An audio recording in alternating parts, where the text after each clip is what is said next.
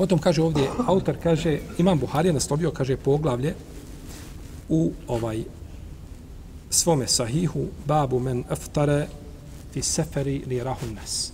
Poglavlje kaže, ko prekida post na putu da bi ga ljudi vidjeli. Potom je spomenuo hadis Ibn Abbasa, kaže, koga bilježi Buhari u sahihu, tako, kaže, krenuo je poslanik sa osaneme iz Medine prema Mekke. Pa kad je došao do Usfana, zatražio je posudu u kojoj je bilo piće, bilo voda, šta je već bilo, i digao i pio pred ljudima da ga vide. Pa je tako šta prekinuo post. A kaže, to je bilo u Ramazanu. To je bilo šta u Ramazanu. Kaže autor, ovo je dokaz, a kada dođe dokaz, ili tako padaju u vodu sva druga mišljenja. Dokaz je da je poslanik prekinuo šta post na put. Međutim, je li to dokaz? Ispravno je da nije. Kako nije kad je poslanik sam prekinuo do, šta? Na, na put. Allahu poslanik sam kad je krenuo iz Medine. Medina, Mekka. Ta razdaljena. Osfan bude bliže Mekki puno. On je neki 80 km od Mekke. A od Medine možda bude 350. Je li mogao poslanik sal taj dan zapostiti kod kuće? Je li mogao? On je podrazno. Ta opcija nije postojala. Pa čak ni oni, ni Omerova pošta to nije mogla ispoštovati. Znate Omerovu poštu? Omer je prvi koji je napravio poštu. Omerova pošta. On bi napravio, znači, poštu, telegram kada šalje.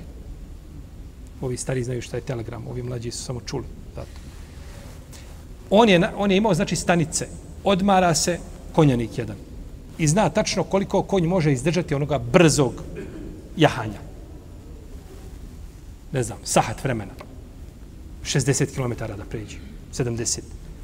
I dolazi do naredne stanice, na drugoj narednoj stanici čeka odmoran jahač, odmoran konj, preuzima pismo. I otprilike kada to izračunate, ovaj, Omer je imao poštu bržu nego naše. Pitajte penzionere pa ćete vidjeti da se slažu sa ovom. Ima, ja mislim, ako nema disertacija na to šta je Omer sve prvi uveo. Radi Allahu te alanu.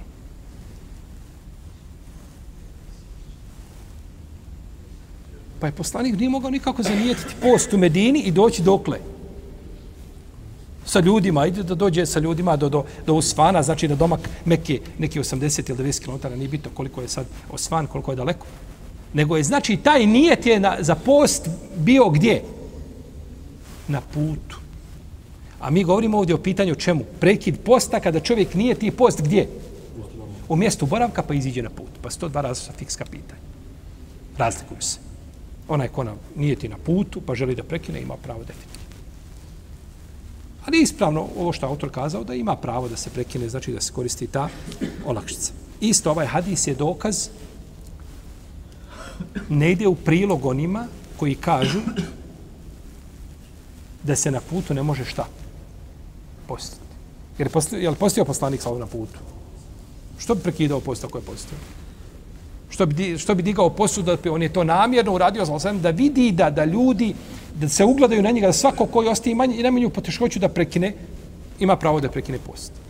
Ako je on kao najbogatije, naj, naj, naj, najbogobojaznije Allahovo biće i najbogatiji imanski, ako možemo kazati tako, ovaj prekinuo post, pa može svako nakon njega. Pa je to uradio, čak je neprilike kada je prekinuo tako post, ljudi nisu prekidali, kaže to su nepokornici. Jer je bilo stanje takvo da nalaže da se prekine post.